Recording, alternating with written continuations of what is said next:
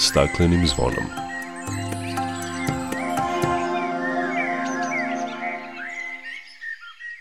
Dobar dan i dobrodošli na Zeleni talas prvog programa radija Radio Televizije Vojvodine. Ja sam Dragana Ratković. Plastika je najzastupljeniji materijal za proizvodnju ambalaža i sve veća količina kod nas završena deponijama. Prema procenama godišnje u Srbiji se proizvede i generiše i do pola miliona tona plastike. Govorit ćemo o štetnom uticaju plastike na životnu sredinu, o biorazgradivoj i kompostibilnoj plastici, bioambalaži kod nas, kao i koliko mi sami možemo da doprinesemo da se smanji upotreba plastike. Čućete na šta će upravljači zaštićenih područja u Vojvodini potrošiti novac koji su dobili na konkursu od Pokrinjskog sekretarijata za zaštitu životne sredine. Biće reči i o obeležavanju jubileja, 15 godina od osnivanja ekološkog centra Radulovački u Sremskim Karlovcima, o nagrađenima u programu za čistije i zelenije škole u Vojvodini, kao i o takmičenju domaćinstvo koje su laste izabrale, koje organizuje Društvo za zaštitu i proučavanje ptica Srbije. O ovim temama više nakon pozdravne pesme. Dok priroda kraj nas plače, za vladarskim svojim tronom, tužno vele narikače pod staklenim smo zvonom. Znaj vazduha više nema, sve manje je i ozona. Protiv sebe ide čovek i to često bez pardona. Uništenju živog sveta kao da su ljudi skloni čovek sam je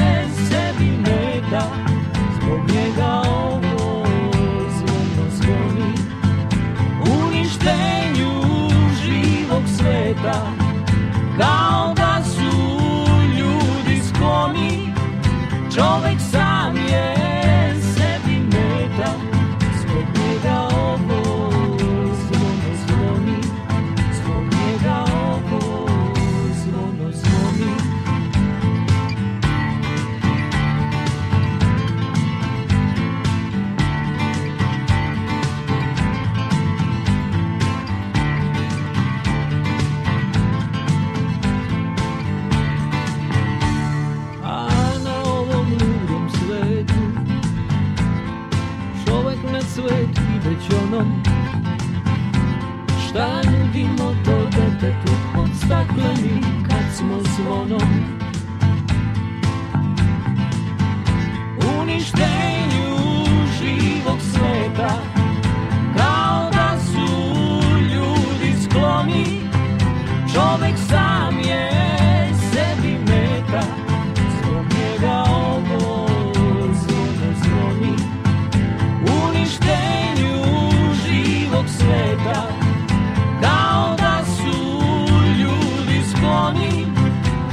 Čovek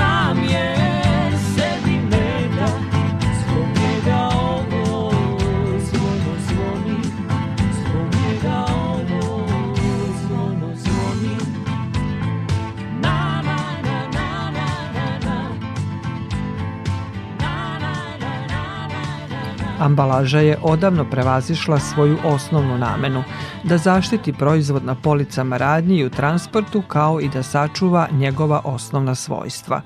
Udeo ambalaže u ceni nekog luksuznog proizvoda može da iznosi do 70%, a kod prehrambenih koji se prodaju u marketima i više od 20%. Plastika je najzastupljeniji materijal za proizvodnju ambalaže. Prva plastična masa je proizvedena 1907. godine i razvojem tehnologije brzo je postala nezamenljiv proizvod u brojnim industrijama. Zbog svoje izdržljivosti, lakoće i otpornosti postaje dostupan materijal široke primene. Pozitivna karakteristika da se ne razgrađuje pod spoljnim uticajima postaje ključni problem kada je reč o štetnom uticaju plastike na životnu sredinu.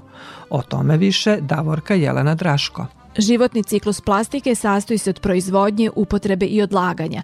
Na kraju tog ciklusa odlaže se na deponijama, spaljuje ili reciklira. Reciklaža plastične ambalaže je najbolja mera za smanjenje količine plastičnog otpada. Međutim, zbog procesa sortiranja i upravljanja otpadom može se reciklirati samo u određenoj meri. Najznačajniji segment svakog reciklažnog procesa je proizvodnja ambalaže koja bi bila potpuno bezbedna po hranu. Ispostavilo se da je to priličan izazov jer iz želje da zdravo živimo kupujemo prehrambene proizvode koji su upakovani u ambalažu, čija je zdravstvena bezbednost često upitna. Profesor dr. Đorđe Jovanović nam je ovaj paradoks objasnio na primjeru vode. Kad koristimo termin e, zdrava voda, mi podrazumevamo da ta voda, ako je voda za piće, u stvari zadovoljava zdravstvene standarde. Posebno pitanje je pitanje recimo pakovanja vode ili bilo kojih drugih materija u pet ambalažu. Ja ne mogu sada da kažem i da tvrdim, ali ono što sam imao prilike da vidim i u literaturi i u nekoj štampi, to je da taj segment mikroplastike, da taj segment uticaja ambalaže na sam proizvod, da li u pitanju vode ili bilo koji drugi je prisutan. To je jedna stvar. Druga stvar, znači to je uticaj same ambalaže, u ovom slučaju pet ambalaže, preko mikroplastike na sam proizvod, u ovom slučaju flaširanu vodu. Ono što sa druge strane mogu isto tako da kažem, to bi bilo idealno da se koristi kada je barem voda u pitanju, da se koristi staklena ambalaža. Znači mislim da je to najbolji način transporta upravo kada je voda u pitanju, a i uopšte bilo koje vrste ambalaže, jer pored svega ovoga segmenta zagađenja mikroplastikom, postoji onaj segment zagađenja drugim materijama iz samog tog materijala koji čini tu posudu, recimo, da li je u pitanju boca koja se koristi za vodu ili za bilo koju drugu prehrambenu namirnicu. Tako da mi imamo zapravo jedan segment ajde upotrebim izraz, onečišćenja u ovom smislu same namirnice nekim drugim materijama koje iz same te pet ambalaže difunduju u, u sam proizvod. Bačena u prirodu plastika ostaje u njoj stotinama godina, a razgradnjom se raspada na sitnije delove koji u obliku mikroplastike dospevaju u vodu, zemlju i vazduh, a kroz lanac ishrane i u čovekov organizam. Šta može za zdraviji lični život i zdraviji život prirode oko sebe da uradi prosečan građanin? Pitanje je veoma složeno. Odnosi se na sve ono što jestu uslovi okruženja i pogotovo uslovi koji se vezuju za ovaj deo koji se odnosi na plastiku, odgovor je malo šta. Pored ove same ekološke osvešćenosti i svega onoga što možemo svojim ličnim činjenjem da uradimo, mi se ipak nalazimo u jednom okruženju koje nas prisiljava da da hteli to ili ne se ponašamo onako kako nam je to dato. Mi možemo na, na nekom ličnom nivou, pogotovo ako nismo u urbanim celinama, da se ponašamo sasvim drugačije ili barem da se pokušamo približiti onome što bi bio način ponašanja koji jednostavno ne bi uključivao plastiku u naš svakodnevni život. Znači, u urbanim celinama mi jednostavno smo prinuđeni da se ponašamo onako kako nam diktiraju ti uslovi života u urbanim celinama. U ruralnim celinama je to možda drugačije i to je možda u jednoj većoj meri moguće uraditi. Možda u prodavnicu nosimo plateni ceger, a možda smo ga zaboravili i dobili priliku da u radnji kupimo navodno biorazgradivu kesu. Međutim, da li su kese kese u prodavnicama zaista biorazgradive. Stručnjaci kažu da nisu i da su možda i opasnije od običnih. U pitanju su oksorazgradive kese, prošle godine zabranjene u Evropskoj uniji, koje su još štetnije od klasičnih. Okso kesa je obična kesa u koju su dodati aditivi da bi se ona brže razgradila, ali aditivi imaju negativan uticaj na mogućnost reciklaže. Većina je dizajnirana da razbije plastiku na manje komade kako bi bila dostupna mikroorganizmima koji vrše biorazgradnju. Ti fragmenti mogu biti nevidljivi našem oku, ali ih unosimo u organizam preko hrane, vode i vazduha. Aditivi koji su dizajnirani da omoguće biorazgradnju u kopnenim uslovima nisu dizajnirani da budu efikasni u vodi, jer ti uslovi imaju veću variabilnost u temperaturi, dostupnosti mikroba ili izlaganja sunčevoj svetlosti, kaže profesor Jovanović i ukazuje na razliku između biorazgradive i kompastibilne plastike. Biorazgradivo je termin koji ne mora nužno da znači kompostabilan. Kompostabilno znači da pod određenim uslovima u određenom roku sa određenim ambijentalnim uslovima taj proizvod može da se pretvori u ugljen dioksid vodu i da zapravo neki ostatak eventualno koji nastane bude deo zemljišnog substrata. Znači on bukvalno kada bi se odložio u zemlju, on bi mogao da nastavi svoj prirodni ciklus u nekom e, novom, recimo, živom organizmu kao neki gradivni element. Ono što je zapravo razgradivo, to je nešto što na uticajem bioloških agenasa može mikroorganizama, gljivica, bakterija, može da se, da se razgradi i to je ono što zapravo ne mora nužno da znači da je i kompostabilno. Znači to su dva termina koja su otprilike slična, ali nisu sinonimi i ne mogu, evo iz ovih razloga, da se na taj način tretiraju kao ista mogućnost funkcionalnosti na kraju životnog ciklusa. U Privrednoj komori Srbije kažu da je upotreba plastičnih kesa smanjena i da je za godinu i po dana opala za 85 procenata. Kada je u pitanju primjena bioambalaže u Srbiji, profesor Đorđe Jovanović kaže da se na Google ne pojavljuje prepoznavanje. Moram da kažem, nažalost, da Srbija je u, u svemu ovome, nažalost, prilično daleko. Mi nismo u stanju još da uspostavimo ni efikasan sistem za postojeći plastični otpad i uopšte metod kako ćemo upravljati otpadom na onome što je već više decenija poznat način recimo u zemljama Europske unije. Mi imamo taj problem tek smo negde 2009. godine dobili modern zakon o ambalaži i ambalažnom otpadu, ali uspostavljanje sistema je zaista jedan mukotrpan proces koji nije jednostavan. Tu imamo uspostavljanje sistema od najvišeg nivoa državne uprave do zapravo sve ono što su lokalne samouprave, sve ono što je svako domaćinstvo, sve ono što je svaki čovek mi ovde u urbanim celinama na kraju svakog dana generišemo 1 kg komunalnog otpada, značajan deo tog otpada čini plastika i sa svim ovim problemima o kojima smo govorili, mi moramo zaista da ako hoćemo da razvijemo društvo moderno i da imamo jedan sistem vrednosti adekvatan koji to podržava, moramo zaista mnogo, mnogo da učinimo da bi to uradili. To je naravno i vezano i za financije i uopšte novac, ali i uopšte sva pitanja životne sredine su vrlo direktno vezane za financije. To je igra često velikih brojeva kao što je pitanje upravljanja otpadom je pitanje velikih brojeva. I moram da kažem da i neposredno sam bio i zadužen za oba ta pomenuta zakona kada sam radio ministarstvu kao pomoćnik ministra za životnu sredinu. Moram da kažem da je od tada učinjeno nedovoljno, ne bi li se ovaj sistem popravio na način i uspostavio na način kako bi to bilo zapravo primereno i kakav je pristup Evropskoj uniji koje, koje mi težimo. Ne postoji precizan podatak svog plastičnog otpada proizvedenog u Srbiji za godinu dana, ali uzimajući u obzir sve industrije koje ga stvaraju, prehrambenu, automobilsku, IT, kućnih aparata, pakovanja i slično, možemo pretpostaviti da se godišnje generiše i do pola miliona tona plastike.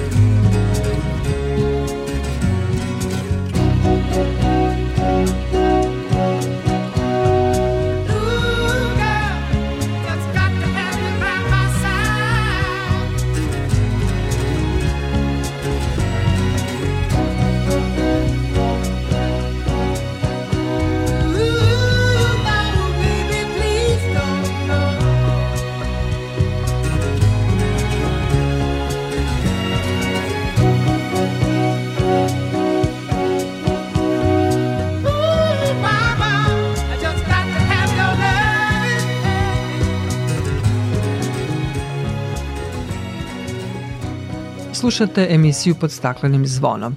Na osnovu konkursa Pokrajinskog sekretarijata za urbanizam i zaštitu životne sredine, upravljači 23 zaštićena područja u Vojvodini dobili su skoro 12 miliona dinara za unapređenje funkcionisanja tih prirodnih dobara, dalje ulaganje u infrastrukturu kao i za promociju ekološkog turizma.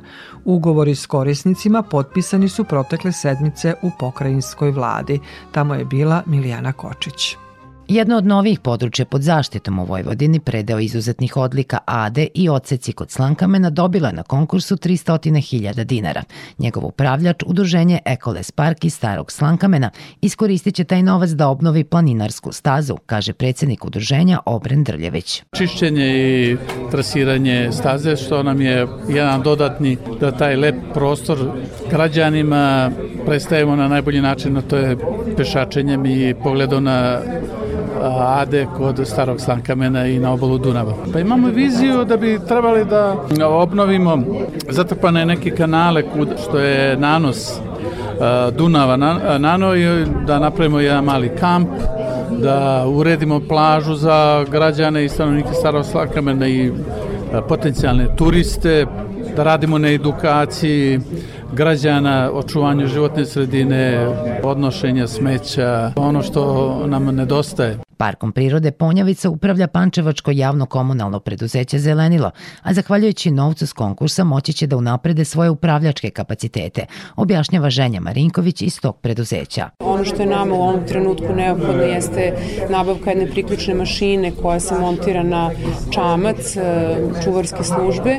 Ta mašina će, e, to je kosačica zapravo podvodna koja će nam pomoći u tome da regulišemo ekspanziju trske i druge podvodne vegetacije koje ne možemo prići sa kopnom. Javno preduzeće Vojvodina šume planira da uloži u infrastrukturu četiri najveća prirodna dobra, objašnjava izvršni direktor zadužen za šumarstvo, ekologiju i razvoj u tom preduzeću Marko Marinković. To je ukupno 2 miliona dinara koje smo mi rasporedili po 500 hiljada u naše najznačajnije zaštićena prirodna dobra, odnosno Obetsku baru, Deliblatsku peščaru, Kovisko-Petrovaranski rit i Gornje Podunavlje.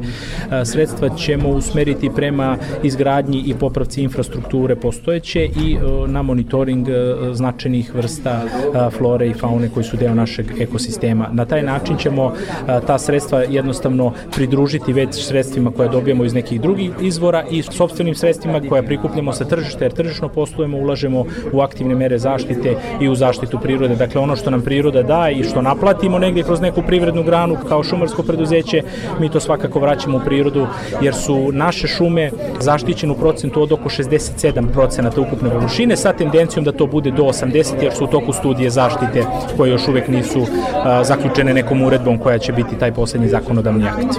Uručujući ugovore upravljačima zaštićenih područja, pokrinjski sekretar za urbanizam i zaštitu životne sredine Nemanja Ercek objasnio je da je plan da se sva zaštićena područja više otvore za javnost, posebno za mlade, ali i za turiste, pa je u planu uspostavljanje edukativnih i vizitorskih centara tamo gde ih nema. Vi kad kažete zaštićeno prirodno dobro, odmah to neko ima averziju kao zaštita, pa ne razumeju šta je to. Znači cilj nam je da napravimo i edukativne centre koji će biti mesto približavanja između zaštićenog prirodnog dobra s jedne strane i upravljača, a sa druge strane svih građana koji su zainteresovani da postoje to zaštićeno prirodno dobro, da ga osmotre, vide i na bolji način upoznaju i da jednostavno steknu sliku ne samo o tom zaštićenom prirodnom dobru, nego svim zaštićenim prirodnim dobrima, da je to ono što je nama priroda podarila, da mi na taj način želimo da sačuvamo to prirodno dobro, a sa druge strane ni, e, da ne ukočimo privredni napredak Vojvodine.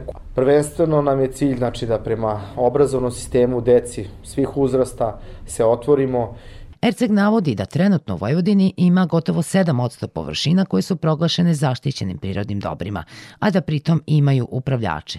Podsjeća i na to da ima više od 5% takvih područja sa strogo zaštićenim vrstama, kao i da Dunav i Tisa zauzimaju još oko 1,7% površine pokrajine. Kanješki karaši, poloj, sliv reke Mostonge, doline kod Zlatice i Padine i tako dalje u postupku su proglašenja, pa će navedena površina pod zaštitom biti povećana za još 4%, napominje Erceg. If you see me walking down the street and I start to cry each time we meet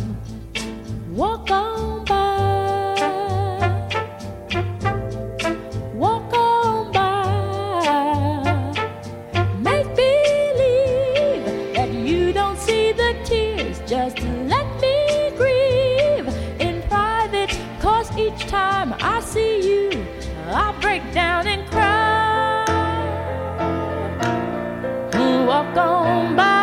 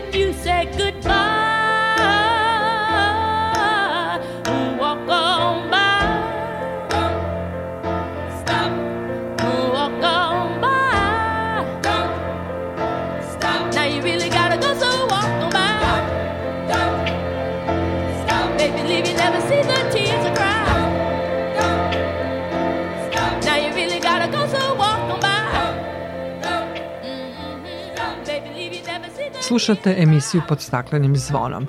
Od 1999. svake godine Evropski dan parkova obeležava se 24. maja u znak sećanja na prve nacionalne parkove u Evropi, tačnije na devet parkova nastalih u Švedskoj 1909. godine.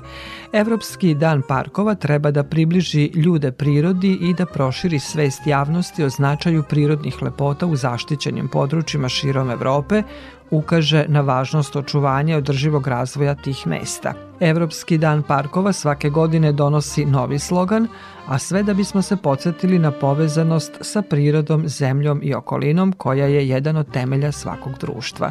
U svetu je bezbroj nacionalnih parkova i prirodnih staništa koji su pod zaštitom UNESCO, a koji se ubrajaju i u svetska čuda prirode.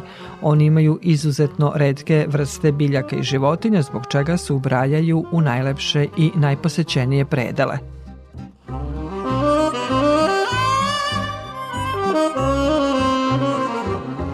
Pokret Gorana Vojvodine na Dan evropskih parkova 24. maja pre 15 godina osnovao je ekološki centar Radulovački i stari objekat ovog centra nosi naziv Fruška gora. Centar je proteklih godina postao mesto okupljanja svih koji su zainteresovani za teme iz oblasti zaštite životne sredine. Prema rečima predsednika pokreta Gorana Vojvodine Aleksa Jeftića, nastanak ekološkog centra Radulovački je logičan sled aktivnosti pokreta Gorana koji se više od 60 godina bavi pošumljavanjem, ali i edukacijom građana.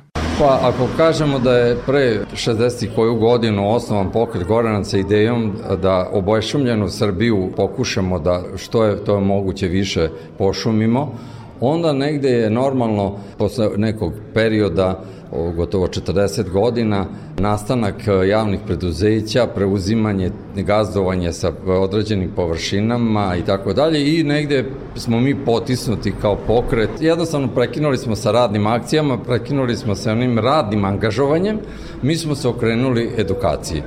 I upravo zbog toga je nastao neki edukativni centar, zato je nastala Zasavica, zato je nastao i u, u Subotici isto Goranski rasadnik koji je nosilac tamo nekih aktivnosti i tako dalje. Sve u svemu nismo želeli da prekinemo tu, tu nit koja, evo, od prvih ovoj godina 60-ih nas vezuje za životnu sredinu. Mi od negde početka 80-ih godina organizujemo kampove i mi mislimo da je taj deo posla mnogo uticao da e, imamo osvešćenu neku sada generaciju ljudi 40. godina i tako dalje, ali ovaj ne trebamo u tome da stanemo. Zgradu iz 18. veka pokret Gorana Vojvodine je 2008. godine rekonstruisao u ekološki centar. S godinama postala je potreba za proširenjem kapaciteta i u dvorištu ekološkog centra je izgrađeno novo krilo zgrade nazvano Dunav, kao i Košnica 2020. godine, čime su upotpunjeni svi sadržaji ekološkog centra Radulovački. Gradnju novog krila, koji je održiv i energetski efikasan objekat, finansirao je veliki dobrotvor i donator dr. Miodrag Radulovački, profesor na Univerzitetu Illinois u Čikagu, po kome je objekat i dobio ime Ekološki centar Radulovački. Osim profesora Radulovačkog, izgradnju je pomogao i Fond za zaštitu životne sredine Republike Srbije, finansirajući ugradnju sistema za grejanje i hlađenje koji koriste obnovljive izvore energije. U dvorištu ekološkog centra Radulovački članovi, volonteri, saradnici i prijatelji pokreta Gorana okupili su se 24. maja da obeleže jubilej. Predsednik pokreta Gorana Srbije Goran Gnus kaže da je centar izuzetan objekat i neverovatan rezultat gde se vidi sa koliko energije i sa kakvom vizijom budućnosti je građen. Ovaj projekat, a inače ono što radi pokret Gorana Vojvodine, je neka vrsta ideje vodilje za sve nas. Sjajno rade, nadam se da će njihova iskustva doprineti da pokret Gorana na jedan novi način nastavi da radi, nastavi da živi, da okuplja mlade, zato što živimo u vremenima koja i tekako zahtevaju angažman takve jedne organizacije. Pošto imamo ovo, Ovo je ponos pokreta Gorana. Izvesno je da je budućnost pred nama. Pokret Gorana Vojvodine prepoznao je značaj edukacije o zaštiti životne sredine, ukazao nam je direktor Departmana za biologiju i ekologiju Gorana Načkov. Pokret Gorana Vojvodine je, je vrlo rano prepoznao opšte društveni značaj zaštite životne sredine i pre svega zaštite prirode i u sklopu toga je i svoje sredstva je usmerio i svoj rad i kapacitete u realizaciju ovakvog jednog, ne, ne, ne bih rekao samo objekta, nego ovo jedno kulturološko mesto koje okuplja e, različite profile i različite e, mlade ljude koji ovde pronalaze sebe. Da proslavi rođendan centra sa svojim sinom došla je i edukatorka Sara koja radi sa decom u pokretu Gorana. On inače dolazi na naše radionice s vremena na vreme, tako da je dobrodošao i na rođendan. U ekološkom centru radi i volontira Kristina. Neke poslednje dve godine radimo. Ovaj, ovde je malo volonterski, svaki put kad bude neka akcija, tu smo i radimo. Obično sa decom i starijim, zavisno kako kod ko dođe, ali aktivnosti za decu da ih upoznamo sa životnom sredinom, kako da je čuvamo, kako da je poboljšamo i da se oni najbitnije zabave i da nešto novo nauče. Filip Nikolić se sa pokretom Gorana susreo 2005. a u ekološkom centru Radulovački je od osnivanja 2008. Kada ga pitaju zašto dolazi u centar, on odgovara. Ja kažem zato što ne postoji ni jedan put da sam došao ovde da nisam čuo nešto novo, da nisam video nekog novog, da nisam naučio nešto novo. I to je zaista jedna energija koja se ne sreće nigde drugde, bar ja nisam sreo u takvom obliku. I ovo je jednostavno jedan portal koji omogućava svakoj mladoj osobi da pristupi razno raznim mrežama, organizacijama i da jednostavno otključa takve sadržaje, da proputuje svetom da, da upozna ljude sa, sa različitih krajeva sveta i jedno veliko hvala pokretu Gorana i hvala ekološkom centru.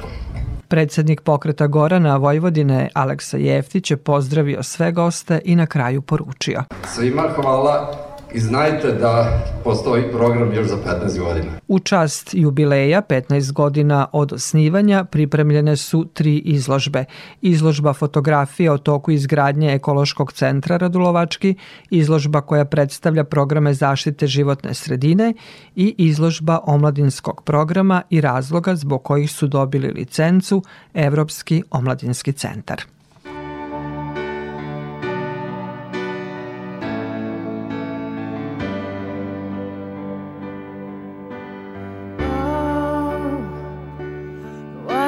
So sad. The tears are in your eyes. Come on and come to me now. Don't be ashamed to cry. Let me see you through. Cause I've seen the dark side too.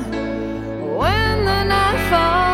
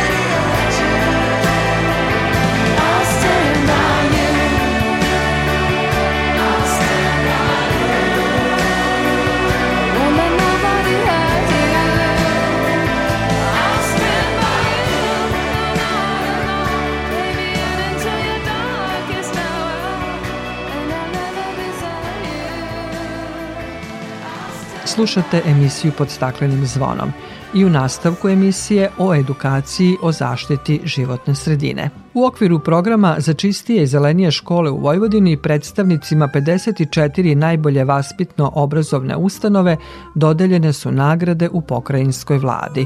U tom 14-godišnjem projektu, koji je pokrenut da bi se vrtićima, školama i lokalnim zajednicama širom Vojvodine podigla svest i lična odgovornost za brigu o životnoj sredini, učestvuje devet partnera, a koordinator je pokrajinski sekretarijat za urbanizam i zaštitu životne sredine, beleži Željana Ostojić. Osnovna škola Sveti Georgije u Uzdinu jedna je od nagrađenih za inicijativu i promovisanje ekoloških sadržaja kroz nastavu i van nastavne aktivnosti. Škola godinama neguje ekološku kulturu kod učenika što dokazuje i učešće na brojnim konkursima, kaže učiteljica Tatjana Romanov. Mi smo dugogodišnji čuvari prirode, mogu to slobodno da kažem, i godinama učestvujemo takođe na pokrijskom konkursu Energija svuda oko nas.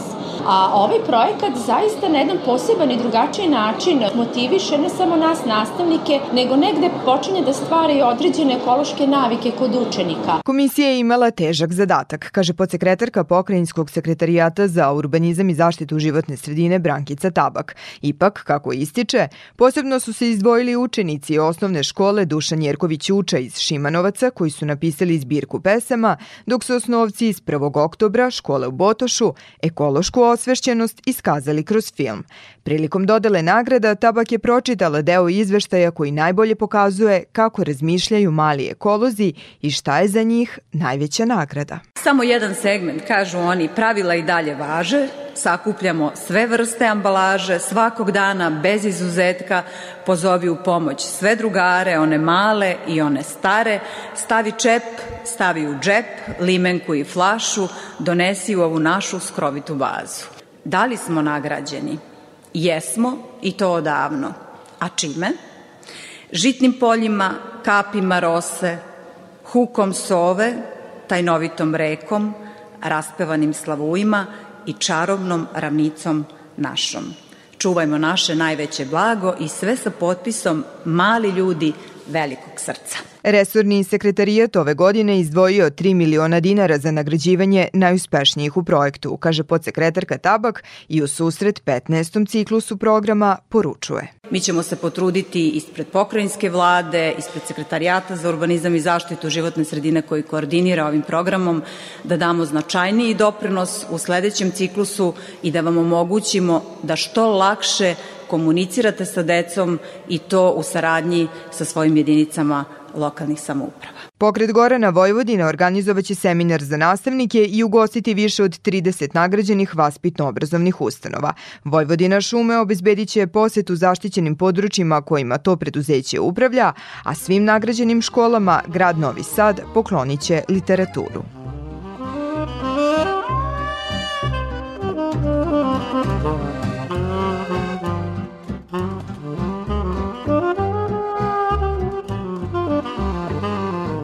U okviru obeležavanja Evropskog dana parkova, Sekretarijat za zaštitu životne sredine, poljoprivredu i ruralni razvoj grada Kikinde organizovao je ekološku radionicu za decu nižih razreda osnovnih škola. Ovogodišnji naziv radionice bio je Upoznaj veliki park. O tome Branislav Ugrinov. Upoznaj Veliki park naziv je ekološke radionice koju je u okviru obeležavanja Evropskog dana parkova organizovao Sekretarijat za zaštitu životne sredine, poljoprivredu i ruralni razvoj grada Kikinde, namenjen učenicima nižih razreda osnovnih škola.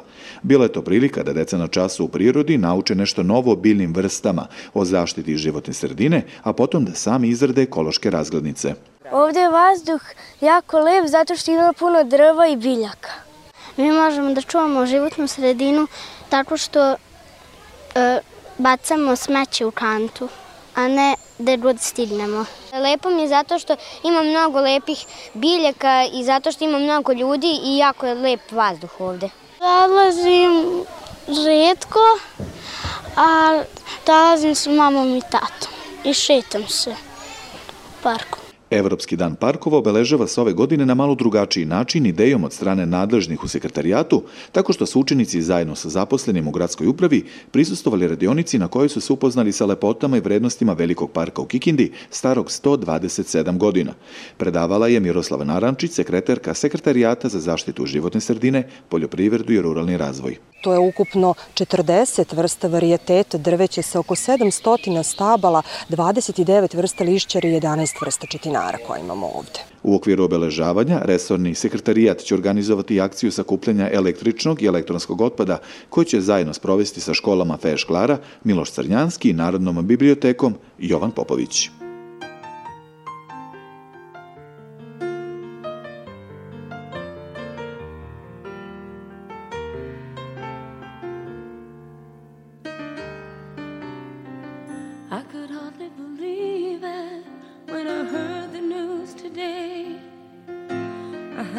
come and get it straight from you.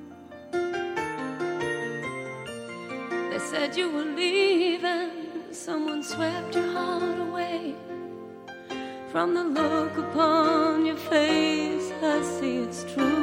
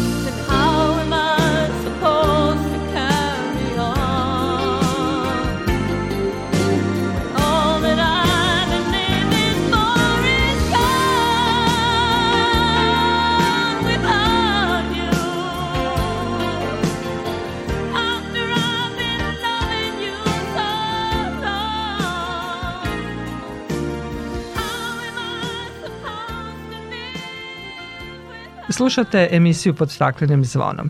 Društvo za zaštitu i proučavanje ptica Srbije i ove godine organizuje tradicionalnu akciju domaćinstvo koje su laste izabrale, a koordinatorka ove akcije je nama dobro poznata članica udruženja Nataša Jančić. Nataša, dobrodošli na Talasa Radio Novog Sada. Hvala vam na pozivu, kao i uvek. e, Vi uvek ispratite sve naše akcije i mi svi iz društva smo vam na tome zaista zahvalni. Nataša, pored roda i laste svrstavamo u vesnike proleća, ali reč je o pticama koje su ugrožene ovim savremenim načinom života i kada govorimo o, o seoskim, ali isto tako i o gradskim lastama.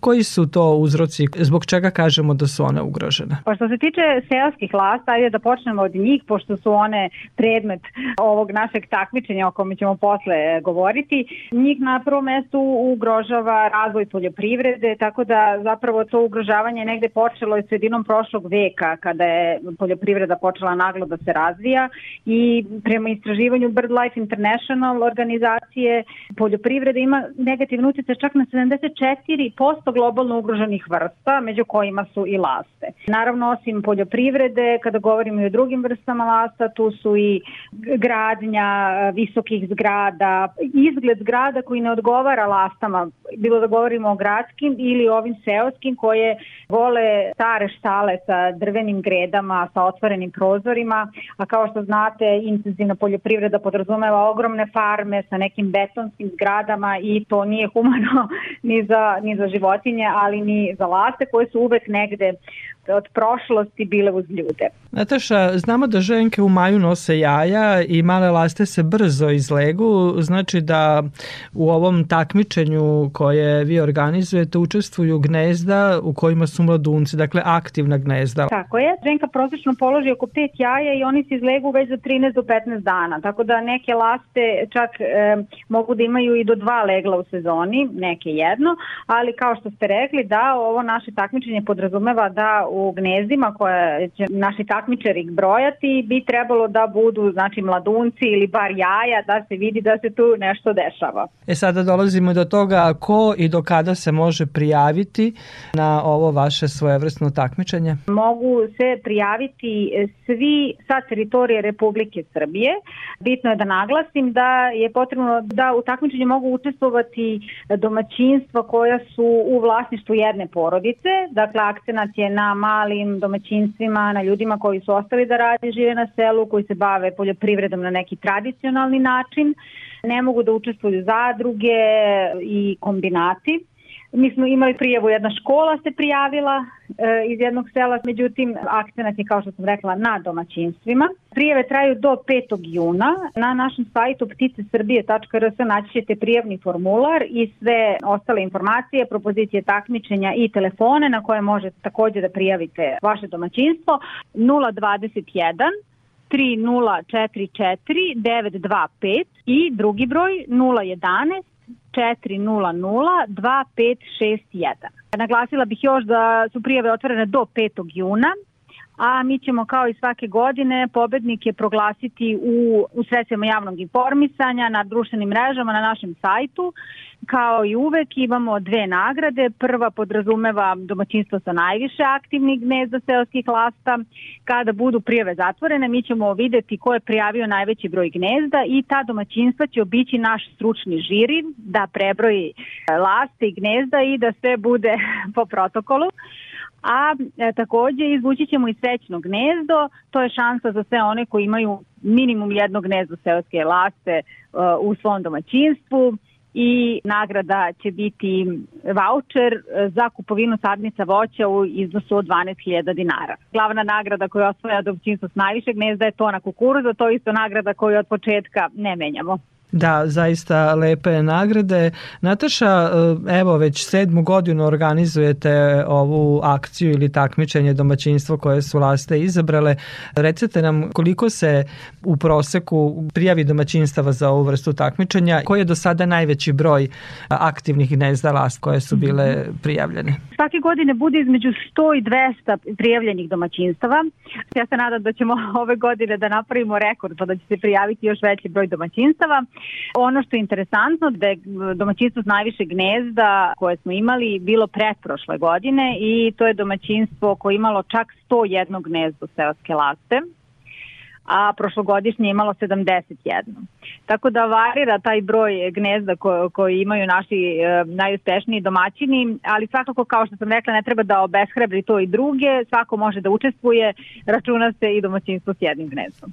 Najveći broj gnezda koje je imalo domaćinstvo, čini mi se da su to bili Sremski Karlovci. Jeste. I videli smo tu ljubav i koja je tu povezanost između ljudi i ovih ptica, da zaista domaćini vole da im svake godine u gnezda koje laste naprave se vrate, imaju nove mlade. E, Da, tako je. To je jedna od stvari koja je mene zaista fascinirala od kad sam počela da radim u društvu i da radim na ovom takmičenju. Ja sam u stvari shvatila koliko oni željni iščekuju povratak lasta, koliko prate svaki njihov događaj, koliko oni znaju u kom ritmu one dišu, da kažemo tako. E, Znaju i kad dolaze i kad odlaze.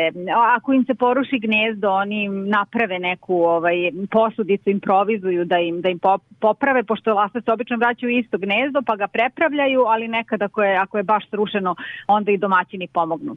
Tako da taj suživot ljudi i lasta je ono na što mi želimo u stvari da stavimo akcenat i da, da pokažemo kako je taj suživot za, bitan i za laste, ali i za nas.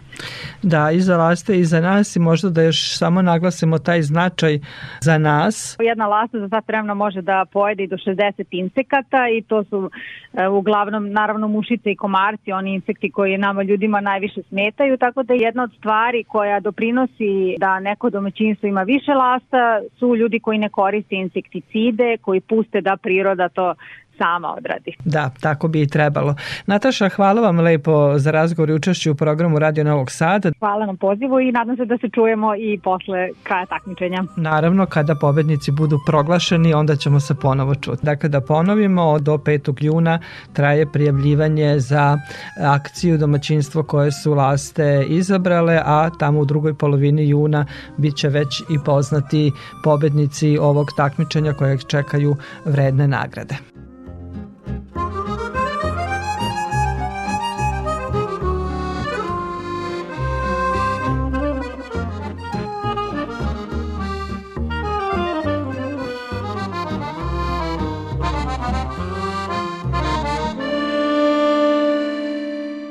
Toliko za ovo izdanje emisije pod staklenim zvonom koju možete slušati i odloženo na podcastu Radio Televizije Vojvodine na adresi rtv.rs.